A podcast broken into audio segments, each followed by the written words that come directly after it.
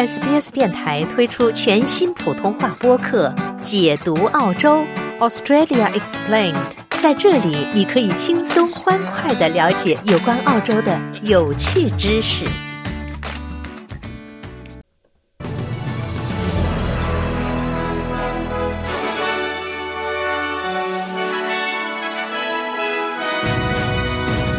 美国称朝鲜向俄罗斯提供了导弹和武器。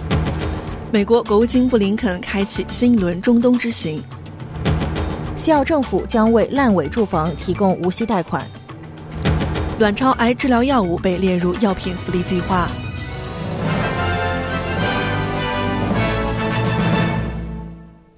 以下是新闻的详细内容。最新解密的白宫文件显示。朝鲜最近向俄罗斯出售了弹道导弹和发射器。美国国家安全事务发言人科比表示，美国打算向联合国安理会提出他所说的令人震惊的事态发展。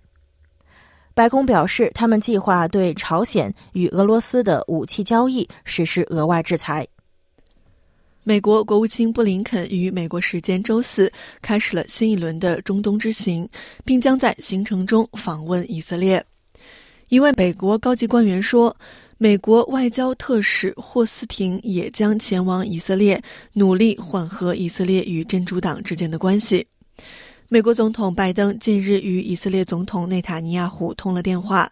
内塔尼亚胡正在努力改善人道主义援助进入加沙的途径，并争取释放哈马斯扣押的人质。美国国务院发言人米勒宣布了这一消息。First, he will discuss immediate measures to increase substantially humanitarian assistance to Gaza. 首先，布林肯将通过立即采取措施，大幅增加对加沙的人道主义援助。美国在为巴勒斯坦人民提供人道主义援助方面发挥了至关重要的作用，但情况仍然极其困难。布林肯将强调，当务之急是扩大和维持人道主义组织的安全准入，以运送食品、水和药品，并使商业物资能够进入加沙所有地区。美国前总统克林顿、特朗普和英国王子安德鲁被列入一系列法庭文件之中。据说他们与前金融家和性犯罪者爱泼斯坦保持密切联系。这九百多份文件是在美国法庭命令之后发布的，已有超过五十个名字被公开。尽管已故的爱泼斯坦声名狼藉。但一个人被列入文件，并不自动意味着他们有任何不当行为。但安德鲁王子的案件已确认他曾对斯约贝格进行猥亵，这一说法之前曾被白金汉宫否认。更多名字及其与爱泼斯坦的关系将在适当的时候被披露。激进组织伊斯兰国声称对伊朗发生的两起造成近一百人死亡的爆炸事件负责。炸药是在悼念2020年被美军无人机炸死的伊朗高级指挥官苏莱曼尼的活动中，在人群中被引爆的。伊斯兰国组织在 Telegram 上发表声明称，两名成员在人群中引爆了身上的炸弹腰带。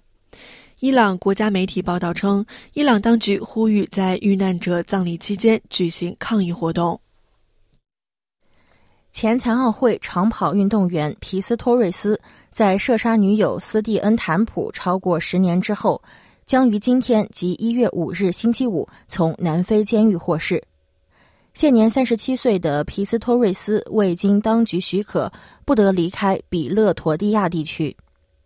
去年，皮斯托瑞斯的假释申请被驳回，因为法院裁定他尚未完成被视为必要的最短拘留期限。但宪法法院在去年十月表示，皮斯托瑞斯实际上符合假释条件。反性别暴力倡导组织 Not in My Name International 的负责人马桑表示，他希望皮斯托瑞斯能够改过自新。He has ticked all the necessary boxes, and we can only wish and hope. 他已经完成了所有必要的要求，我们只能希望和祈祷皮斯托瑞斯能成为一个更好的人，并且他能够帮助他人。因为你知道，当我们只看到惩罚性措施时，我们往往会忘记有人可以改过自新。二零一三年情人节，皮斯托瑞斯在家中通过厕所门向他的女友斯蒂恩·坦普连开数枪。您正在收听的是 SBS 中文普通话节目。听众朋友，欢迎您继续收听 SBS 电台的新闻报道。接下来，我们来关注一下澳大利亚国内的消息。联合国预计，不断上涨的租金价格可能会限制澳大利亚今年在通货膨胀方面取得的进展。联合国预测，澳大利亚和新西兰的通胀率将在未来十二个月内逐步下降。竞争激烈的租赁市场是导致通胀率下降进展缓慢的主要原因。联合国二零二四年世界经济形势与展望报告称，由于住房供应短缺导致租金价格上涨，预计二零二四年澳大利亚和新西兰的通货膨胀率仍将相对较高。根据联合国的预测，二零二四年澳大利亚的消费。者价格指数将降至百分之三点三，二零二五年将降至百分之三。截至九月季度，澳大利亚的年通胀率为百分之五点四，低于六月的百分之六。昆士兰州东南部的居民在圣诞节和新年期间遭受恶劣天气袭击后，终于将恢复供电。昆士兰州州长迈尔斯表示，该地。地区现已进入恢复模式，更多的澳大利亚国防军部队将于一月五日抵达重灾区。超过十三万人受到停电影响，其中六千多人仍无电可用。但是，大部分地区的电力预计将在今天恢复。最近几天已有一千多名电网工作人员在当地工作。周五，昆士兰州东南部和新南威尔士州北部将有更多降雨。但气象局预计，近期的恶劣天气不会重演。联邦政府计划向澳大利亚国防人员提供五万澳元的一次性支付，作为对他们承诺最初服务期满后继续服务三年的奖励。这笔奖金达四亿澳元，将从五月份的联邦预算中拨出。国防人事部长基奥表示，澳大利亚国防军需要招募更多人才。这些激励措施将鼓励高技能和有能力的人员延长服务期。这笔奖金是一次性的，不可抵税，预计将在三年内惠及多达三千四百名国防人员。北领地警方扣押了一辆汽车。他们认为这辆汽车可能与阿利斯泉附近一名年轻男子的死亡有关。该男子尸体于元旦期间在恩杜利亚车站附近的一条偏僻公路上被发现。助理专员沃斯特表示，查获的汽车是一辆黑色双排座福特 Ranger 越野车。据了解，这辆车从元旦清晨到下午早些时候一直在爱丽丝泉附近行驶。沃斯特请求在元旦期间看到这辆车的社区居民提供行车记录仪录像。Any information that anyone has about that vehicle or anything else they're aware of that may relate to this particular tragedy, we ask those members of the public. 任何人如果有关于那辆车的任何信息，或者我们所知道的可能与这起悲剧有关的任何其他信息，我们都请这些公众站出来。调查的所有渠道都是开放的，我们正在客观的进行调查，这也是我们目前正在对这辆车进行取证的原因。西澳的购房者正因无法入住已购买的房屋而陷入困境，现在西澳政府将提供贷款，以帮助陷入困境的建筑商完成烂尾项目。这项耗资一千万澳元的计划，将为房屋建造时间超过两年的西澳洲建筑商提供高达三十万澳元的无息贷款。西澳洲财政部长萨菲奥蒂表示，该计划旨在帮助那些已经购买了房屋，但由于高昂的建筑成本而无法入住的人。This is all about making sure homeowners have the ability to move into a home that they've 这一切都是为了确保房主能够搬进他们购买或已建造多年的房屋。这项政策针对的是那些两年前就已经开始建造的房屋。因此，正如我们所说，我们相信有数以百计的此类房屋与建筑商陷入了僵局，建筑商没有能力完成这些项目。我们正在创建一个新的贷款机制，以支持这些项目完工。这项贷款计划旨在帮助面临现金流问题的建筑商，防止更多建筑公司破产，并增加房屋供应。阿德莱德一名男子在等待救护车将其送往医院超过十个小时后死亡。这名五十四岁男子于十二月二十七日去世。当晚，阿德莱德各个急诊科室都宣布所有救护车车辆处于白色代码状态。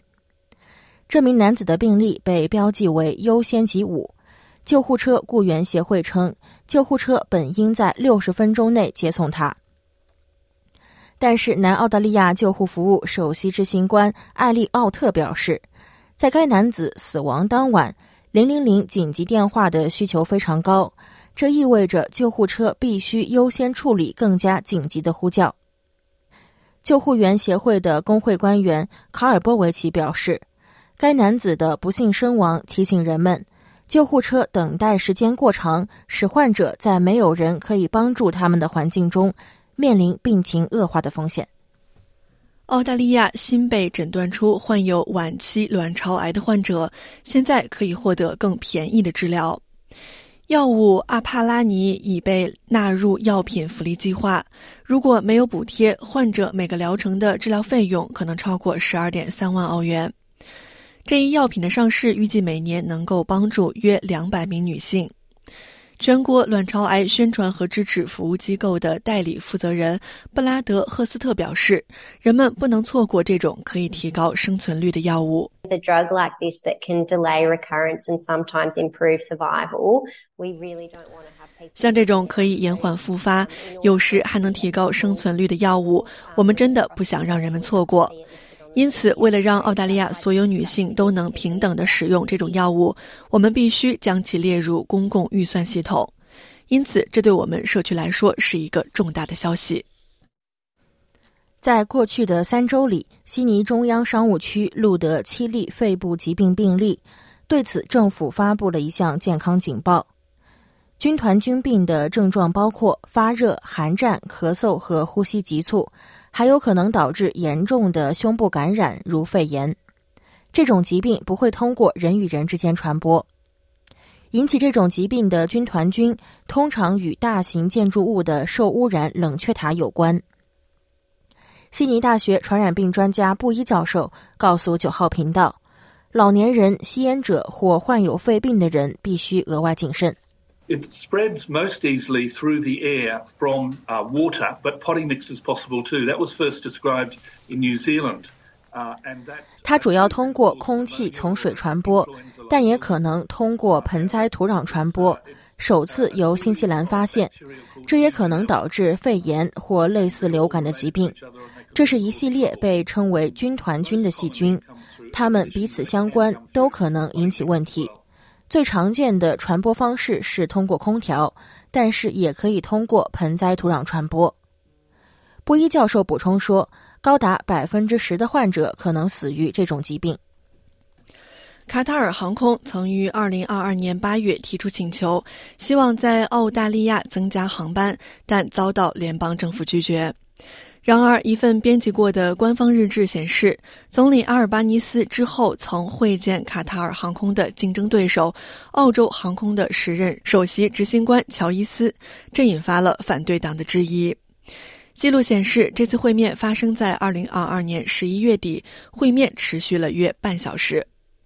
在两人会面之前的几周，澳航就曾公开反对这一申请，并开始游说政府拒绝批准。反对党要求总理说明两人的会面内容。总理办公室回应，在政府做出决定之前，总理并未与包括乔伊斯在内的任何澳航高管就此问题进行过讨论。来关注一下国际货币市场。截止到澳大利亚东部夏令时早上的七点五十五分，在国际货币市场上，一澳元可以兑换零点六七零美元，四点七八零人民币，五点二三三港币以及二十点八五一新台币。在今天新闻节目的最后，我们再来关注一下全国各主要城市今天的天气情况。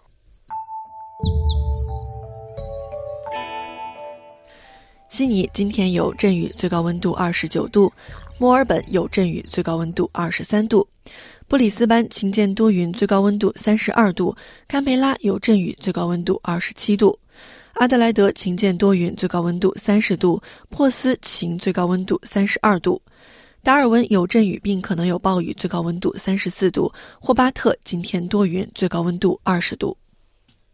听众朋友，以上新闻是由林墨为您编译，林墨和雨夜为您共同播报的。感谢您的收听。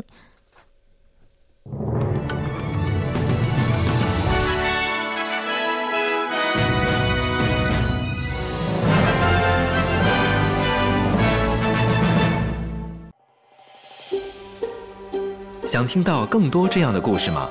您可以通过苹果播客、谷歌播客、Spotify。或者您喜爱的方式下载收听。